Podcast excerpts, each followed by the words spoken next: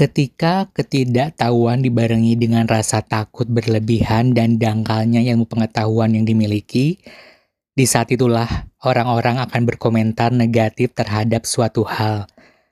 Bersama Yudi, di area Julid, hanya di Podcast Yudi.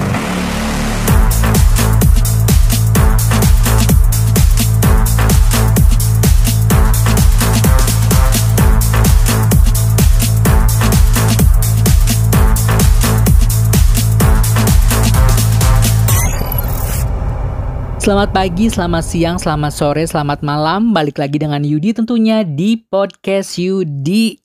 Hmm, tadi Yudi nyoba kayak buka aplikasi uh, TokTok ya dan ngelewat tuh FYP di aplikasi TokToknya.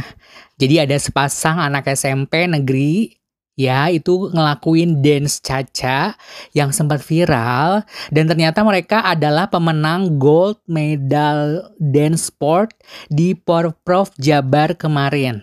Tapi tanggapan orang-orang malah miris banget. Ngatain udah akhir zaman lah, inilah, itulah.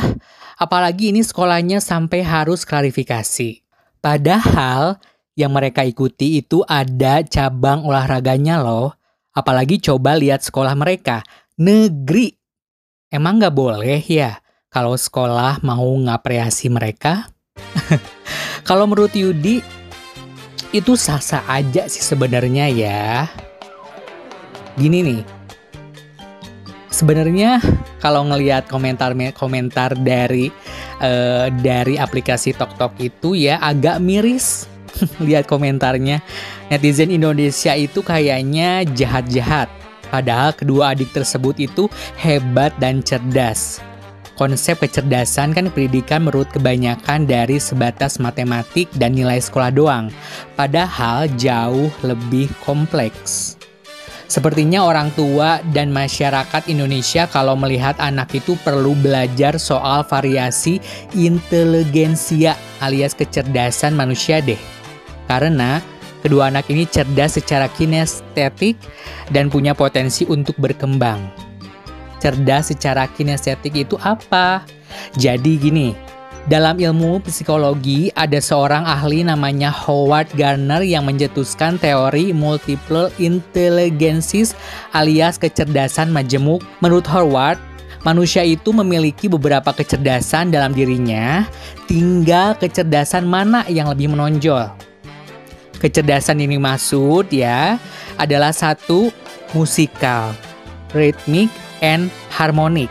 Kedua, visual spatial. Dan ketiga, linguistik atau verbal.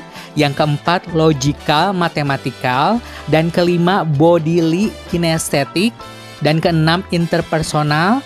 Ketujuh, intrapersonal. Dan delapan, naturalistik.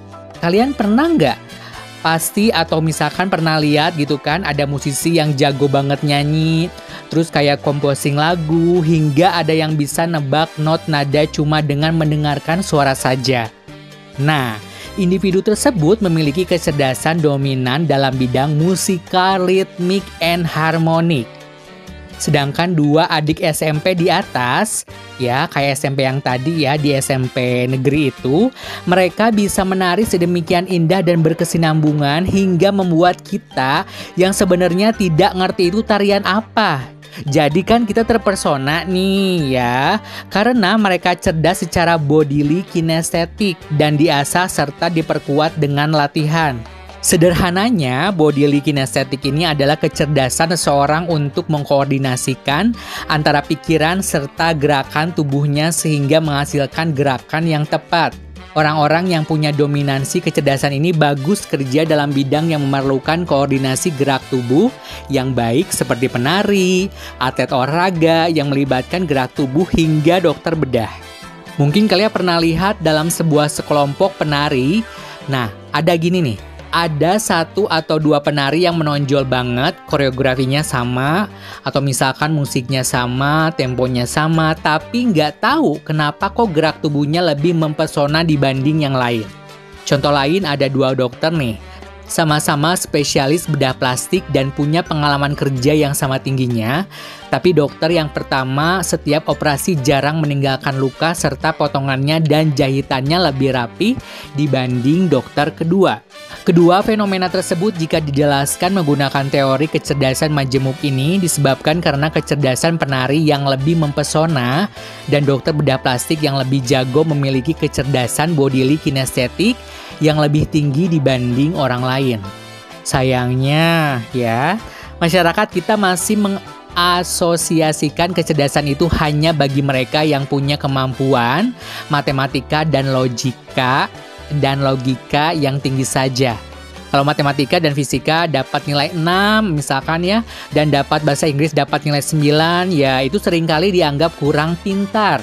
Semoga melalui podcast Yudi teman-teman yang nantinya ingin menikah dan punya anak bisa lebih bijak dalam menyikapi bahwa setiap manusia itu cerdas, tinggal kecerdasan apa nih yang paling dominan, serta tidak memaksakan kehendak pribadi pada anak melainkan fokus mengembangkan calon anak kita nanti pada bidang yang mereka sukai dan memang memiliki modal kecerdasan di sana. Padahal di Indo itu kayak banyak yang mandang cowok nggak boleh nari atau cowok kalau nari yang ada luwes-luwesnya dikit dah dibilang yang enggak-enggak. Padahal tarian itu punya banyak genre, teknik, aturan tersendiri dan itu nggak mudah. Nari itu seni, olahraga, dan ekspresi diri. Terima kasih yang sudah mendengarkan podcast Yudi dan jangan lupa untuk di follow Instagram kami di @podcastyudi dan jangan lupa untuk traktirannya di traktir.id slash podcastyudi. Jadi pamit, mari kita mari kita mari kita cabut, mari kita mabret. The podcast is finished. Thanks for the time spent together. Next one's coming soon. Next one's coming soon.